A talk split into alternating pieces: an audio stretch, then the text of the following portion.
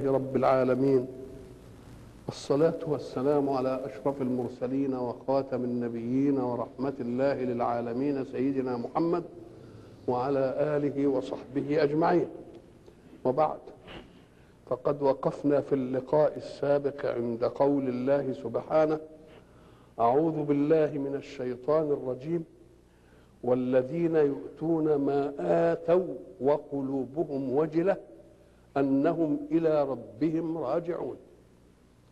وقلنا يؤتون ما آتوا يدل على أن الفعل صدر منهم للغير فالذين قالوا أن الآية إنما في الرجل الذي يسرق ويزني ويشرب الخمر ولكنه قلبه وجل من لقاء الله وخشيته. يبقى لا تزال فيه بقية من بقايا الإيمان والحياء من الحق سبحانه وتعالى.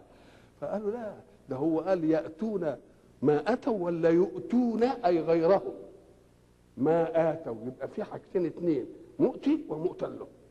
يبقى إذا المسألة مش كده. كما قالوا عن عائشة أنها فهمت هذا. إنما المسألة يؤتون غيرهم طب إيه يؤتون غيرهم هم قال لك مثلا في حقوق لله حق حق جلاله. الحقوق المتعلقة بالزكاة يؤديها الإنسان. الحقوق المتعلقة بالكفارة يؤديها الإنسان. الحقوق المتعلقة بالنذور التي فرضها على نفسه ولم يفرضها على غيره دي حقوق الله. كفارة وحدود كفارات وزكاة ونذور والحقوق المتعلقة بالعباد ودائع أمانات محطوطة عندك. عدالة في حكم. دي اللي بتأتيها للناس. طب فكيف يفعل هذا وقلبه يكون وجلا؟ قال لك أيوه لأنه يخاف أن لا تكون نية الإخلاص صاحبة العمل. وما دام نية الإخلاص ما صاحبتش للعمل يبقى خايف للعمل إيه؟ ما يقبلش. وسيد الخلق صلى الله عليه وسلم لما يقول اللهم إني أستغفرك من كل عمل أردت به وجهك فخالفني فيه ما ليس لك. يعني تهب علي هبة كده يعني. الله. اذا الإنسان لما يعمل الصالح برضه لازم يحاول إنه يصاحب العمل بإخلاص أن يكون العمل لله. ليه؟ عشان الله ضنين عليك أن لا تعمل عملا لا تأخذ عليه جزاء. وأنك شيء من أعمالك الذي رأيته من الناس لا يعطيك شيئا من الجزاء. يبقى عملك ما يبقى هدر. الله يغار عليك. يقول لك خلي العمل للي هيقدر يديك الجزاء. ولذلك يقول الحق الإخلاص أي في العمل سر من اسراري أودعه قلب من أحببت من عبادي. لا يطلع عليه ملك فيكتبه ولا شيطان فيفسده.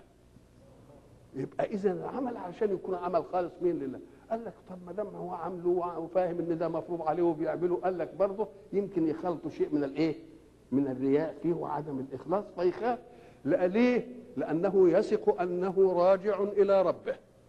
والرب ده هو اللي هيجازي. وهيجازي على قدر الإخلاص في العمل. فإن شاب العمل شيء من عدم الإخلاص يخاف لا ينفضح ولا ياخدش الجزاء من مين؟ من الحق سبحانه وتعالى. قال لك لأن في أعمال يبقى كلها ظاهرها أنها من الدين. لكن يبقى في طيها شيء برضه هو دين وشيء برضه تاني. ولذلك تيجي الواحد يقول لك إيه؟ أنا بعمل العمل ده لله ثم لك. نقول له ما تعطفش على الله شيء. قول مين؟ قول هو لله اوعى تجيب ثم تاني دي. ثم لك دي لأن دي برضه إيه؟ معناها إنك أنت برضه فاهم إن لله شريك في شيء يقدر إيه؟ يقدر يعني. ولذلك إحنا قلنا في الآيات السابقة في قول إن الذين هم من خشية ربهم مشفقون ادي واحدة. والذي آه والذين هم بآياتنا يؤمنون. ادي صفاتهم والذين هم بآيات ربهم يؤمنون. صفه الخير. والذين هم بربهم لا يشركون. كيف يأتي في الثالثة؟ في أمر يقول والذين هم بآيات ربهم يؤمنون. ومن خشية ربهم مشركين ثم يقول بعد ذلك والذين هم بربهم لا إيه؟ يبقى الاشركون مش الإشراك الأول. الإشراك اللي هو إيه؟ أن تخالط العمل نية الغير مع الله. نية الغير مع الله. ولذلك هناك إيه؟ وما يؤمن أكثرهم بالله إلا وهم مشركون. برضه في حتة كده شيء يقول لك أنا هروح أصلي. برضه هو صلي يصلي لله ساعه ما نادى وبتاع. إنما برضه يقول لك أهو الناس تشوفني أو الناس مش عارف إيه. أي عمل من الناس وأنا بتصدق كده يقعد ومش عارف إيه. أقول له لا أنت عايز تاخد العمل ربنا عايزك تاخد العمل إيه؟ كل جزاؤه من إيده. ولذلك يقول في يوم القيامة يتجلى الحق سبحانه وتعالى على الخلق. فالذين كانوا يؤمنون به اطمئنوا على إنه بقى خلاص الجزاء جاي. واللي ما كانوش يؤمنوا به يفاجئوا بوجود الله. ده فوجئوا بأمر ما كانش في بالهم ما عملوش له. ولذلك إيه؟ مثل الذين كفروا بربهم إيه؟ أعمالهم كسراب بقيع. السراب ده اللي إحنا بنشوفه تخيل إن فيه ميه يحسبه الظمآن ماء. حتى إذا جاءه لم يجده شيئا. الله. ووجد الله عنده. فوجئ بالحكاية دي. ما كانش في باله الحكاية دي. يقول له بقى أنت مش أنت مش أنت تاخد أجرك من اللي أنت عملت له؟ انت عملت لمين للدنيا تديك الدنيا بقى انما انت ما عملتش ليه؟ ووجد الله إيه؟ فوجئ بوجود مين؟ بوجود الحق سبحانه وتعالى. إذا ما دام هنفاجئ بوجود الحق ولا شيء غير الحق يبقى نعمل كل العمل للحق ولا شيء لغير الحق. ولذلك هناك إيه؟ الآية الثانية يقول بلى من أسلم وجهه لله وإيه؟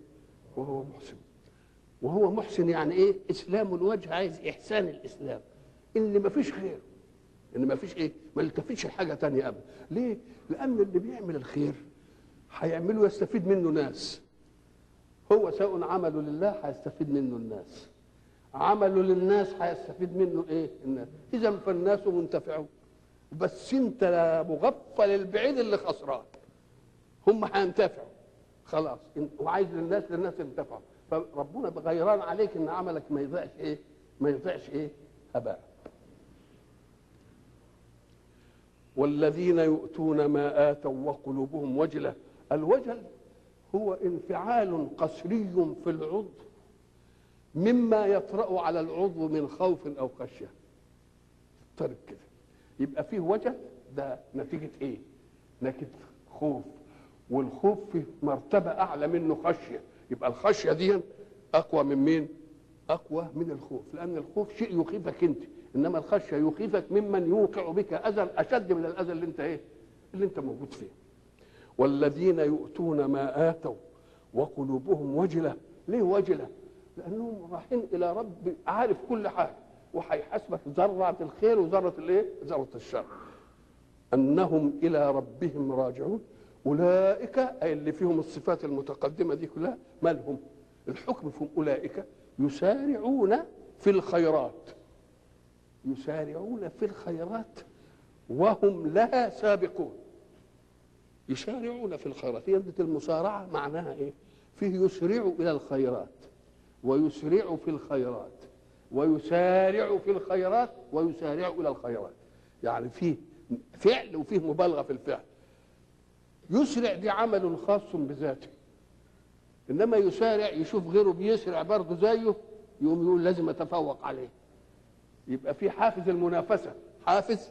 يبقى يسرع أمر ذاتي فيه. يسارع شايف واحد بده يسبقه للشيء يقوم يعمل إيه؟ يسارعه.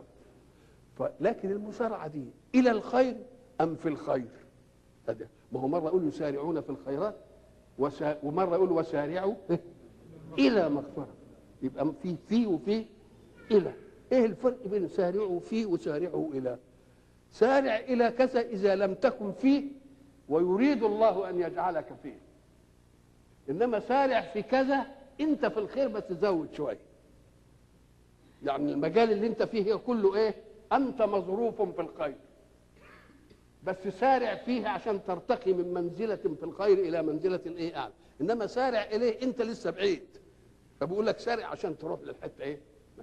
يسارعون في الخيرات. وهم لا إيه يعني سابقون؟ أم قال لك هي المسارعة علة في أنهم سبقوا إلى الخير ولا السبق إلى الخير هي علة في المسارعة؟ في حاجة يسموها في اللغة سبب ومسبب وشرط وجزاء وعلة ومعلول. أنا سافرت للإسكندرية. السفر ده نشأ من إيه؟ إن أنا عايز أروح إسكندرية طب أنتوا أنتوا ذاكر تنجح المذاكرة سبب في النجاح ولا لأ؟ سبب في النجاح. طيب هي المذاكرة اللي جت وبعدين جه النجاح دي مترتب على دي؟ لأ. ده النجاح وجد في بالك اولا بكل مميزاته إنه تبقى كذا وتبقى كذا وتبسط أهلك وتبقى ناجح في وسط الناس وتاخد مركز ومش عارف إيه فوجد فيك دافعا وخاطرا ثم أردت أن تحققه واقعا فعملت فذاكرت. يبقى اذا كل شرط وجواب الجواب سبب في الشرط. والشرط سبب في الجواب. بقى ال- ال- ال- الجواب سبب في الشرط دافعا له. ذاكر لتنجح. يبقى النجاح وجد في رأسك إيه؟ اولا. كدافع على الإيه؟ المذاكرة. وبعدين المذاكرة تيجي واقعا علشان يجي النجاح إيه؟ واقعا. يبقى كل شيء بين إيه؟ بين دافع وإيه؟ وبين واقع يشوف بقى يسارعون في الخير وهم لها سابقون. هو بيسارع ليسبق. ولا القصد أن يسبق فسارع يبقى القصد أن يسبق فسارع القصد أن يسبق. سارع في الواقع بالعمل عشان تسبق بالفعل. لكن المسابقة قبل المسارعه لانها هي الذهن متهيئ فيها الأول وحقائقها واضحة في الذهن فقال يا واد ما تسارع علشان تاخد دي. يبقى اذا الشرط وال- والجزاء والعلة والمعلول والسبب والمسبب شيء واقع بين دافع له هو الجواب وبين واقع هو إيه؟ الشرط. فالشرط سببه الجواب دافعا للعمل. خلاص؟ والجواب سببه الشرط واقعا. يبقى فيه واقع وفيه إيه؟ وفيه دافع. أولئك يسارعون في الخيرات وهم لها سابقون. هم لها يعني إيه؟ زي ما أنت تقول له أنا طلبت منك الشيء الفلاني ولو كان صعب إنما أنت ليه؟ أنت إيه؟ يعني أهل لأن تكون هكذا. وهم لها إيه؟ وهم لها زي ما يقول أنت لها. يعني إيه؟ ما فيش حد إلا أنت تقدر إيه؟ تقدر تعمل. وهم لها سابقون. ولا نكلف نفسا إلا وسعها. طب يسارع دي عايزة ننهج بقى ونجري وقبل بعض وننافس ومش عارف إيه. طب وربنا مش مكلفنا. قال ما دام قد كلف فقد حكم بأنك تسعى التكليف. اوعى تمسك الحكم الأول تقول أنا أسعه أو لا أسعه. لما تمسك تقول وكلف أو لم يكلف. كلف تبقى تسعه. لأنه لما يعلم هو أن التكليف فوق طاقتك يخففه هو التكليف من نفسه بتسافر نبقى نكسر الصلاة بتسافر مثلا تفطر مش لاقي مية يعمل مثلا الله يبقى هو اذا اذا ما دام الله قد كلف فيبقى في وسع تيجي واحد يقول لك الأعمال دلوقتي الطاقة ما عادش تتسع لها والزمن اتغير ومش عارف يقول لك ما دام التكليف باقيا فالوسع إيه؟ لأنه لما ما يوجدش الوسع هو ما يكلفش هو إيه؟ ما يكلفش من ذاته ويخففه أو ينهيه. الله إذا أنا أنظر اولا إلى التكليف ثم أحكم على الوسع من التكليف ولا أحكم على التكليف من الإيه؟ من الوسع. لا نكلف نفسا إلا وسعها. وسعها يعني الأمر اللي إيه طاقته؟ اللي طاقتها تقدر عليه. فإذا علمنا أن الطاقة تضعف عن التكليف عملنا إيه؟ خففنا. ولدينا كتاب ينطق بالحق. وهم لا يظلمون. ولدينا كتاب ينطق بالحق اللي هو الايه؟ الكتاب أعمالنا بقى. والكتاب ليه؟ هو إحنا يعني هنكذب ربنا؟ أما قال لك لا عشان يحج عليه. ولذلك هيقول له اقرأ اقرأ كتابك أنت بنفسك تقراه مش إحنا اللي هنقول إنك عملت ولا بتاع. أنت اقراه بنفسك. ولدينا كتاب ينطق بالحق. وهم لا يظلمون. لأن الظلم معناها أن تريد أن تنتفع بأثر الغير في الخير زيادة على الليك. ولا تريد أن تنتفع بشيء عند غير فتظلمه وتاخده إلا إذا كان اللي عندك مش مقضي شهواتك. يبقى اذا الظلم نتيجة الحاجة.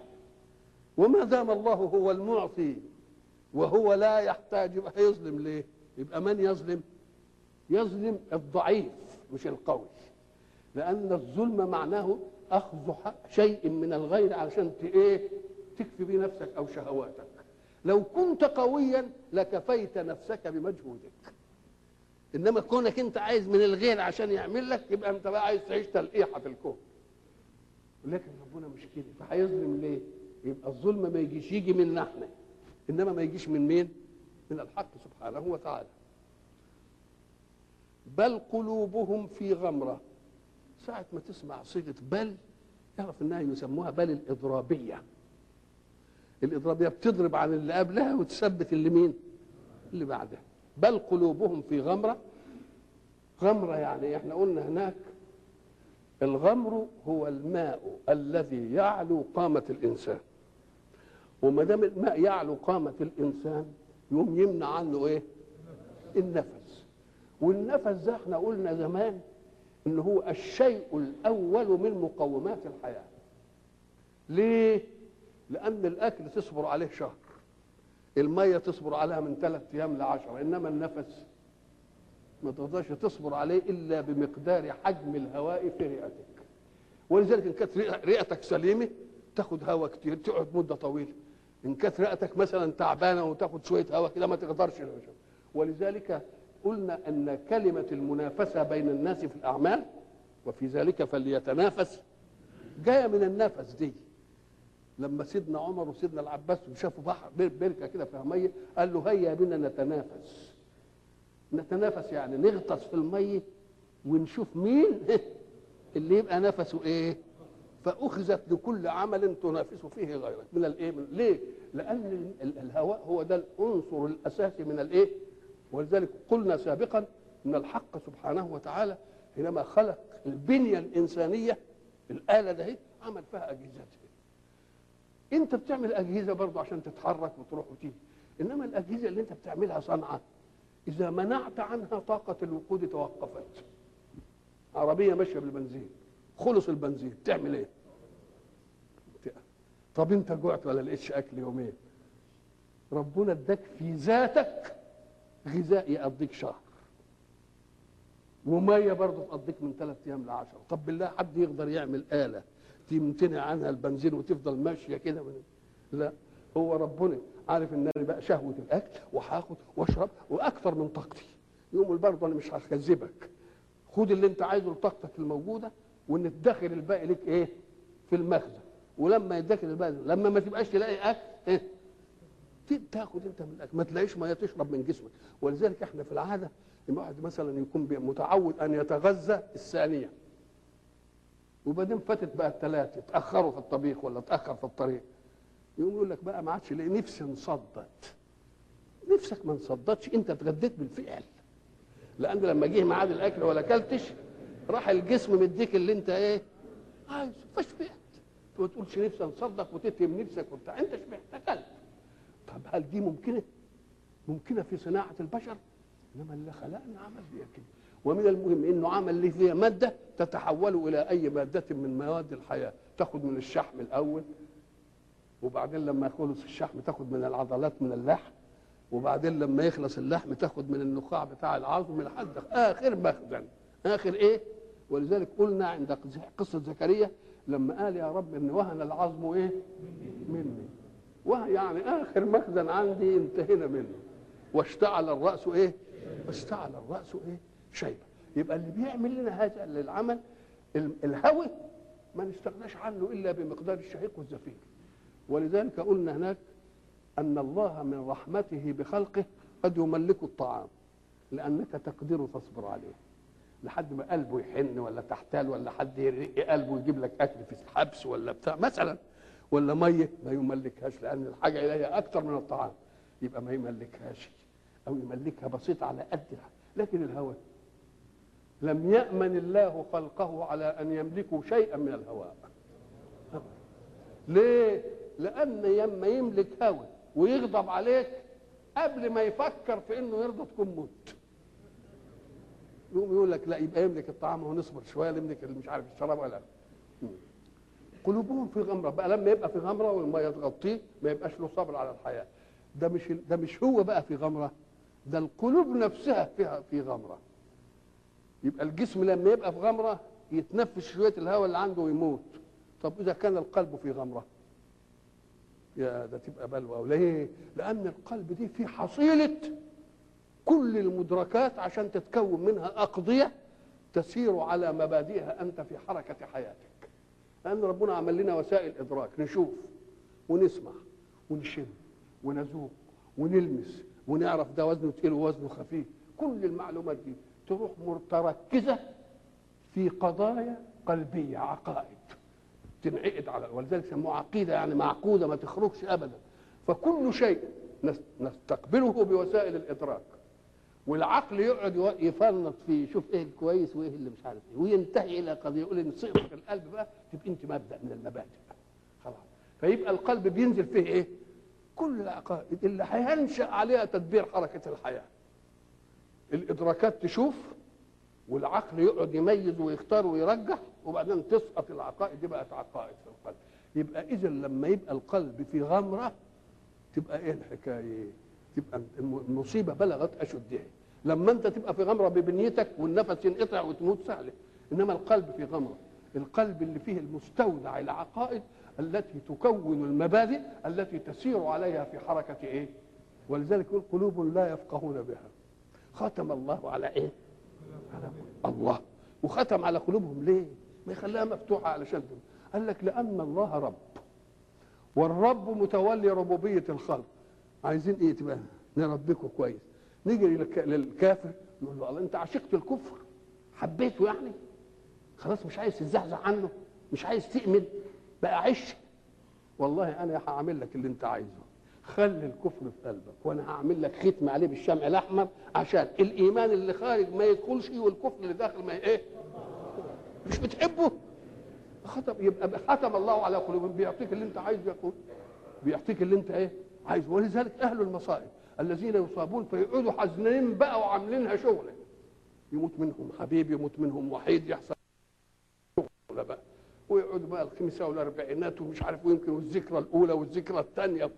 شغلان.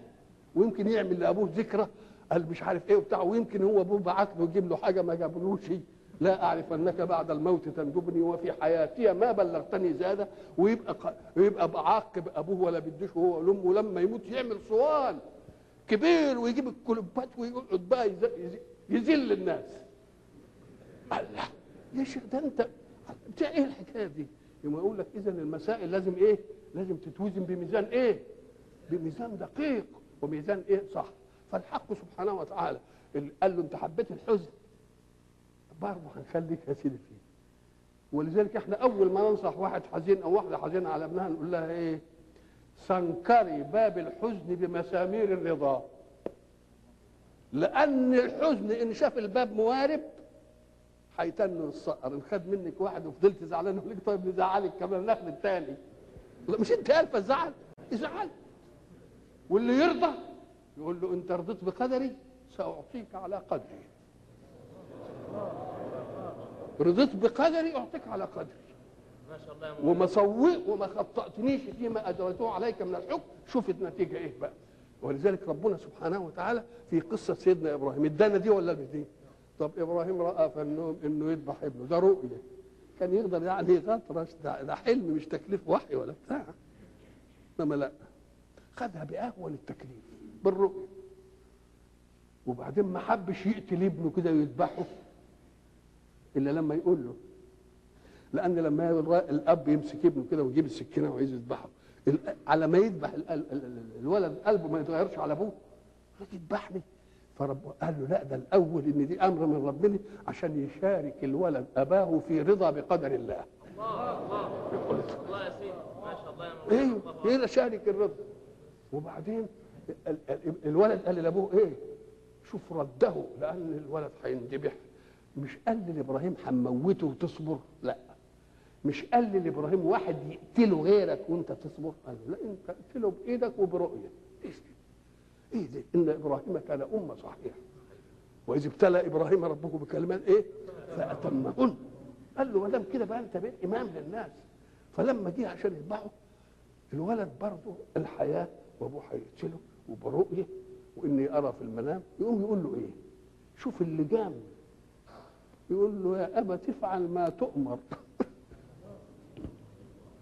يعني أنا رضيت إن لما ما دام بتقول أمر من الله يبقى أنا راضي. يعني إياك أن يكون ذلك إيه؟ مش أمر من الله. يا أبا تفعل ستجدوني إن شاء الله من الصابرين. يبقى الولد خد الجزاء راح ولا لأ؟ ولذلك لم يسمي الله خضوع إبراهيم لأمر ربه إنما خضوع الاثنين. فلما أسلما الاثنين وتله للجبين عشان يتبعوا كده قال له ارفع إيدك يا إبراهيم. انت مش رضيت؟ خلاص أنا ماليش حظ في أن تعذب إنما أنا عايزك ترضى بالحكم. وما دام رضيت ناديناه أن يا إبراهيم قد صدقت الرؤيا. وما دام صدقت الرؤيا نبقى نجزي المحسنين. الإحسان اللي هتعملوه إيه يا ربي؟ نفدي إسماعيل ده بذبح عظيم. وبعدين؟ ومش هبدي اسماعيل بذبح عظيم ده أنا هبشرك بإسحاق. أجيب لك ولد تاني. بقى هو سلم فيه واحد إيه؟ يجيب له ولد تاني. ومش يجيب لك ولد تاني يضمنه جيلا واحدا. ومن وراء إسحاق يعقوب. يبقى كم جيل؟ يبقى الرضا عمل الإيه؟ رفع البلاء وإدى النعم وضاعف إيتاء الإيه؟ النعم. ولذلك يقول القائل سلم لربك حكمه. ادي الحزم فلحكمة يقضيه حتى تستريح وتغنم. واذكر خليل الله في ذبح ابنه إذ قال خالقه فلما أسلم. إيه اللي حصل؟ حصل كذا وكذا وكذا وإيه؟ وكذا. ما شاء الله. ان شاء الله. ما دام القلوب بقى في غمرة يبقى جهاز العقائد خرب. وما دام جهاز العقائد خرب يبقى الحركة اللي هتنشأ وش معنى يعني القلب؟ قال لك لأن القلب ده هو معمل الدم معمل الدم اللي هو بيدي سائل الحياة فمعمل الدم اللي بيديه سائل الحياة فسد يبقى هينضع على الجوارح كلها إيه؟ ينضع على الجوارح كلها شر وإذا كان صالح هينضع على الجوارح وفي الإيه جسد إيه؟ مضغة إيه؟ إذا صلحت صلح الجسد كله وإذا فسدت فسد الجسد كله لأنها مستودع الإيه؟ مستودع؟ العقائد بل قلوبهم في غمرة من هذا ولهم أعمال من دون ذلك هم لها عاملون مش بس في العقائد الكل الأعمال الصغيرة ولهم أشياء كتيرة قوي بس إحنا بنجيب قمم المخالفات إنهم لهم أعمال دون إيه؟ بعد كده يعني بل قلوبهم في غمرة من هذا ولهم أعمال من دون ذلك. هم لها عاملون. يعني ده لسه هيعملوا أعمال تانية. هم ما يعرفوش هيعملوها ولا ما يعملوهاش. إنما ربهم اللي خلقهم في لوحه كاتب إنهم هيعملوا كذا وهيعملوا كذا وهيعملوا كذا ولازم يعملوه. ولازم يعملوه. ولذلك إحنا قلنا أن حكم الحق سبحانه وتعالى في أفعال في يده دي طلاقة قدرة. أنا أعمل كذا وأعمل إيه وأنت يا رب؟ إنما يحكم على عبده الكافر بأنه هيعمل كذا وهيعمل كذا. طب ما يمكن العبد الكافر يقول هو قال أنا هعمل ما يمكن الكافر منه كافر تقول أنا عاند ربنا ومش هعمل. عشان يبقوا يشوفوا ربنا اللي قاله ده كلام صح ولا مش صح؟ بقى أن تتحكم يا ربي فيما تجريه بيدك. ده كلام صح. أنك أنت عارف قدرتك. إنما تتحكم يا رب في اختيار مراد عبدك. وأنت مديله الاختيار يفعل ولا ما يفعلش؟ تتحكم فوق لا ده هيفعل. هيحصل. الله. ليه؟ أم قال لك لأنه عالم بما كان وبما بما سيكون. ولذلك ما فيش إحنا كنا اتكلمنا في آية إيه؟ اللهم صل على سيدنا تب أعوذ بالله من الشيطان الرجيم. تبت يدا أبي لهب وتب. ما أغنى عنه ماله وما كسب. سيصلى نارا ذات لهب. كلمة سيصلى تدي مستقبل. طب حكم الله على مستقبل مين؟ أبي لهب. بإنه هيكون من أهل النار. مع أن أبو لهب في أمة وناس كتير كانوا كافرين زيه وبعدين فوجئ الناس بأنهم آمنوا. فما الذي كان يضمن إن أبو لهب ساعة ما يسمع سيصلى نارا ذات لهب؟ يعني حكم الله عليه بأنه سيصلى نارا ذات لهب يعني سيموت كافرا وهو مختار. بقى ما كانش يقدر المغفل ده. هو يقف كده ويقول أشهد أن لا إله إلا الله وأشهد أن محمدا رسول الله ويؤمن. يقول اديني أمنت ولا ما بقتش من مين؟ من أصل ذات نار مع أنه مختار في أن يفعل لكن الله قال قديما لا مش هيفعل مع أنه أمر في إيده. يبقى دي طلاقة القدرة على الله في فعله وعلى خلقه في أفعالهم.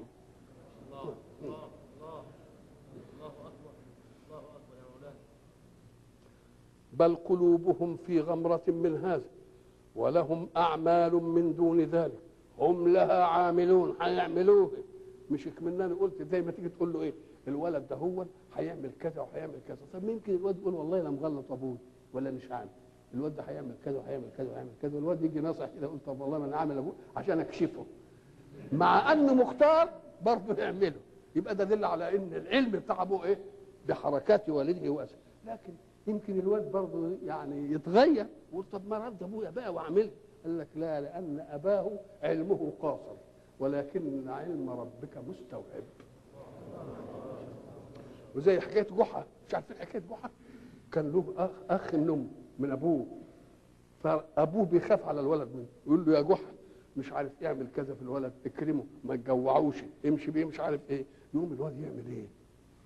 يعمل العكس. أما اعتر وياه قال طيب يا هلا أنتوا ماشيين على الترعة دلوقتي. يا دي اسمع يبقى خد أخوك كده وارميه في الايه؟ في الترعة موته. قام هو قال الله وأنا هفضل عصب يا طول عمري أهو. ما يمكن لأن علمه ناقص علمه ناقص. إنما ربنا علمه كامل. آه. بل قلوبهم في غمرة من هذا ولهم أعمال من دون ذلك. هم لها عاملون لأنني حكمت. وما دام حكمت طلاقة القدرة مش قدرة فيما أفعله لا قدرة في التحكم فيما يفعله غيري ممن أعطيته الاختيار. نعم. حتى إذا عذاب قعدوا على حالهم قلوبهم في غمرة وهم في غمرة ويشركوا بربهم ويكفروا. وبعدين بقى لما نحب يعني زي ما يقولوا كده في عرف العامة نزغزغهم بشوية حاجات كده يروحوا صارخين الله ما كنتوا رجالة وعاملين رجالة وإيه اللي خلاكم الله حتى إذا أخذنا مترفيهم بالعذاب أخذنا أي كلمة أخذ دي في القرآن. واخدة مجال واسع. ما هو الأخذ؟ الأخذ هو الاستيلاء بعنف على شيء هو لا يحب أن تستولي عليه. مش جاي لك طاقة كده؟ ولذلك يقول لك أخذ عزيز إيه؟ أخذ عزيز مقتدر. وأخذ الذين ظلموا الصيحة. خدتهم. يعني تململوا كده ما تقدرش يبقى اسمه ده الايه؟ إن أخذه أليم شديد. مهما عصلكت ما فيش فايدة. أدي اسمه الايه؟ الأخذ. طب أخذ مترفيهم. من هو المترف؟ إحنا قلنا إن الترف التنعم بالنعمة. في حياة كمال ضروريات وكماليات. الضروريات تستبقي الحياة. الكماليات تسعد الحياة وترفيها. وتثريها فالمترف هو اللي عنده نعمة وأكثر من الضرورة. طيب دي يقال ترف الرجل يترف من باب فرح يفرح. خلاص دي كويسة قوي وأترفته النعمة أطغته. مجيء النعمة عنده خلاها بقى إيه؟ وأترفه الله وسع عليه النعمة.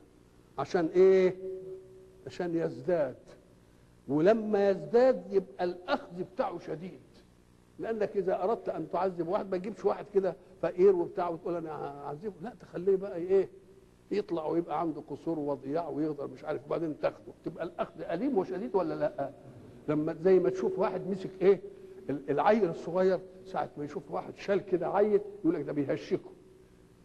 طب مسك عدوه كده وقعد يرفع قال لك هو بيهشك عدوه يا اخويا لا ما بيهشكوش ده بيعليه قوي عشان لما يضربه في الأرض يبقى قدر جامد. آه آه هي دي. يبقى المترف هو الذي يوسع الله عليه النعمة ليزداد إيه؟ ليزداد طغيانا. ولذلك قلنا الآية في الحلقات السابقة فلما نسوا ما ذكروا به أي من منهج الله إيه عملنا عملنا فيهم إيه؟ مش ضيقنا عليهم فتحنا عليهم أبواب كل شيء. كل حاجة بقول لك في التراب يبقى ذهب مش عارف يزرع يجي مش عارف إيه. حتى إذا فرحوا بما أوتوا أخذناهم بغتة. يبقى إذا النكاية تبقى شديدة ولا ما إيه؟ تبقى النكاية إيه؟ شديدة. أخذنا مترفيها طب هو أخذ مترفيها عمل فيهم إيه؟ أم قال لك المترفين كانوا بقى النعمة. كل خير الجزيرة بيصب في قريش. وعاملين بقى سهراتهم وعاملين بقى الأشياء اللي بيعملوها والنعم والملابس والخيام وال- وال- والقيان والدنيا الهايصة. وبعدين أخذ الله هؤلاء بالسنين لأن النبي لما شافهم أترفوا بالنعمة قال اللهم اشدد وطأتك على مضر. يعني شدد عليهم الله. واجعلها عليهم سنين كسن يوسف. فأصابهم الله بالسنين وبالجدب قالوا حتى أكلوا الموتى والجيف وأكلوا حاجة اسمها العلهز. لما الواحد يذبح ذبيحة يقوم الشعر والوبر يتخلط بدم. يقوم لما الشمس تبخر بتاع يجمد الدم ويبقى كلاكيع كده. قعدوا يدوروا على دي برضه الفضلات دي وإيه وياكلوها. لحد ما أبو سفيان قال له قال له مش أنت رحمة للعالمين وإحنا من العالمين. ما تدعي ربنا إنه يعني فدعا الله سبحانه وتعالى ففرج عنه. حتى إذا أخذنا مترفيهم بالعدل أهم جأروا. إذا هم يجأروا اهو أبو سفيان راح قال له كذا كذا كذا كذا وكذا. طيب أخذنا مترفيهم بالعذاب أو هو بعذاب بدر. اللي عاملين بقى يعني هم السادة وهم اللي عمالين يذلوا اللي يؤمن ويحطوا الحجر عليه ويقتلهم ويعمل الله. ونسوان يقتلوه. طيب وبعدين؟ حتى أنزل الله في هذه الحالة القاسية اللي المؤمن مش قادر يحمي نفسه. يقول إيه؟ سيهزم الجمع ويولون الدبر. يقوم عمر يستقبل الآية يقول أي جمع هذا؟ إحنا مش قادرين نحمي نفسنا. أي جمع اللي هيهزم.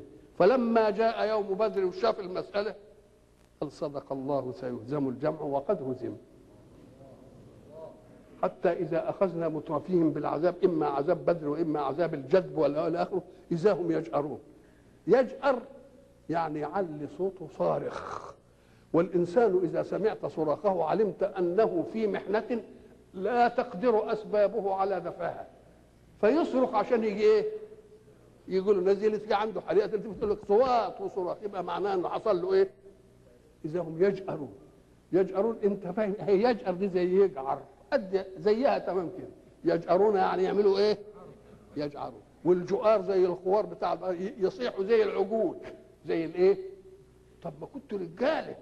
مش تخليك راجل بقى كده وكده آه اللي مسك السبع بقى والسبع هايك كده وبتاع وهو عرف إيه جاب الحتة الحديدة ووقفها زي الحربة كده وخلى السبع يفتح بقه إيه وبعدين إيه حط إيده. السبع مش قادر إيه يضم الفكين علشان يقطع إيده لأن الشوكتين شوكة تحت في الفك الأسفل وشوكة الفك يعمل كده بيتعب نفسه. قعد بقى إيه يتملمص. كل ما يتملمص بنقول له خليك سابع بقى انت يعني انت مش كنت عامل سابع خليك سابع اهو هو إذا هم يشعرون. إيه اللي خلاكم كده؟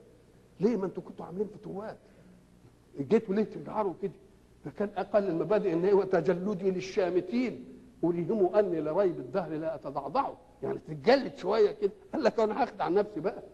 ما أنا هموت حاجة إذا هم إيه يجأرون أي يصرخون بصوت يطلبون فيه المغيث والإيه والمنجي من المهلك.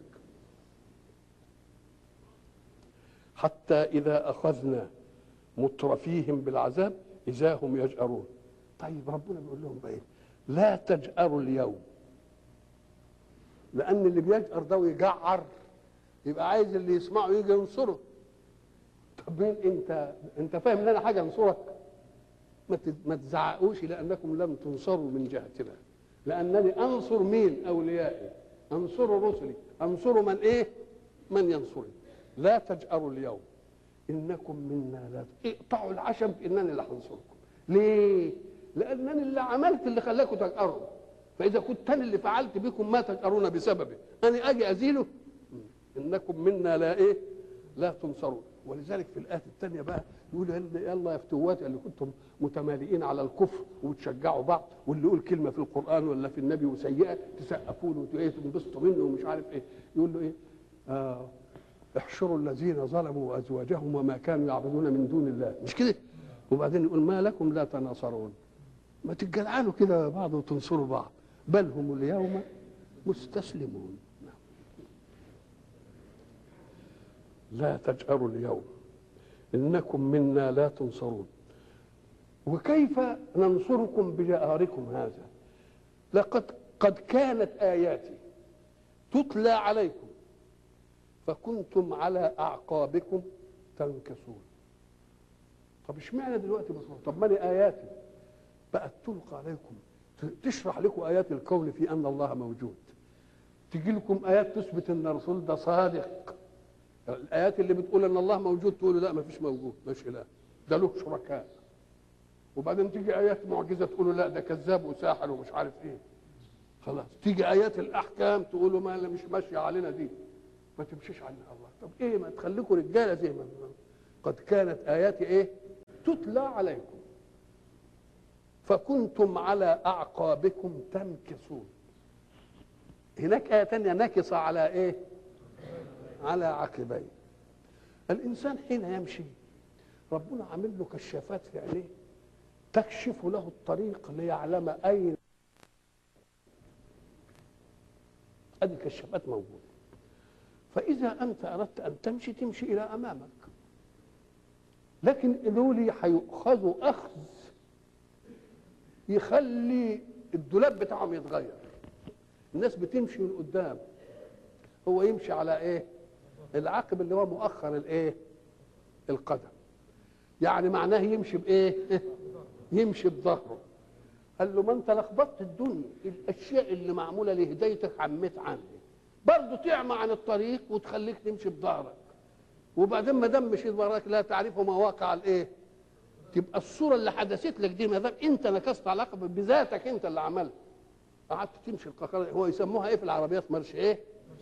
مرش دير يعني كده ومع أن المرش دير يبقى لازم واحد برضه يقول له لا يمين شوية شمال شوية تعالى مش عارف إيه وبتاع وحاجات زي دي. الله إذا هتمشي تعمل إيه؟ قال لك حرمت من أن تهتدي قدماك بعينيك. في ذاتك أهو. يبقى أنت اللي حرمت نفسك ولا لأ؟ ليه؟ لأن أنت جات لك الهداية رحت مغمى عنها. فنقول لك لا أنت في نفسك أنت اللي هتعمل كده. يبقى نكص على عقب يعني إيه؟ مشي بظهره. مشي؟ بظهره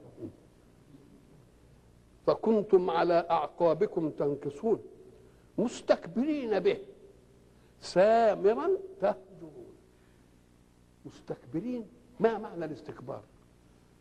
استكبر فيها ألف وسين وت على مادة كاف وب وكبر يبقى المادة أصلها إيه؟ كبر. كبر دي يعني معناها بقى إيه؟ كان صغيرا فأصبح إيه؟ فخم فيه المادة برضه كاف وب وري بس كبر. كبر للقيم وكبر للعمر. يبقى تقول فلان كبر؟ وكبرت كلمة. يبقى في في في المعاني كبرت. وفي العمر والسن يبقى إيه كبر. طب استكبر يعني إيه؟ قال لك استكبر افتعل الكبر. افتعل لأن استفهم طلب الفهم. واستكبر يعني طلب إنه يبقى كبير لكن هو مش كبير في ذاته. لكنه مش كبير في ذاته.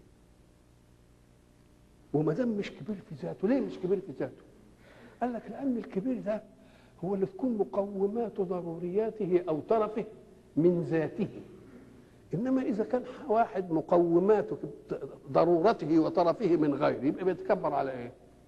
يبقى ما يصحش انه يتكبر ما يصحش. ليه؟ لأن انت مش من عندك. تتكبر بحاجة ذاتية فيك. إنما تتكبر بصحة وقد تصبح مريضا. تتكبر بغنى وقد تصبح فقيرا. الله.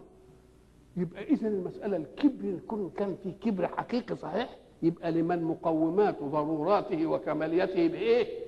بذاته. إنما مقوماتك من الغير وتتكبر طب تعالى بقى في الخلق. مقوماتهم كلهم منين إيه؟ من الغير. يبقى لهم حق إنهم يتكبروا؟ ما لهمش حق إنهم يتكبروا. يبقى له حق إنه يتكبر من بقى؟ الله. بس الكبرياء لله وحده.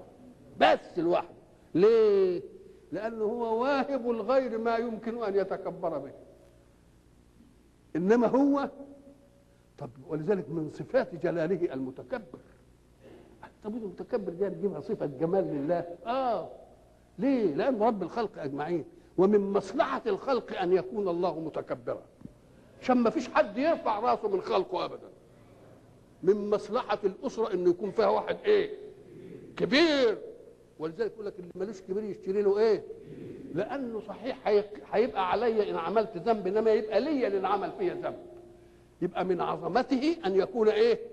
أن يكون كبيرا. فإذا متكبر ما تفهمش إن دي صفة ده صفة جلال لله. ليه؟ لأنه تكبر علشان يحمي خلقه من خلقه. ما حدش يقدر يرفع إيه؟ يرفع رأسه.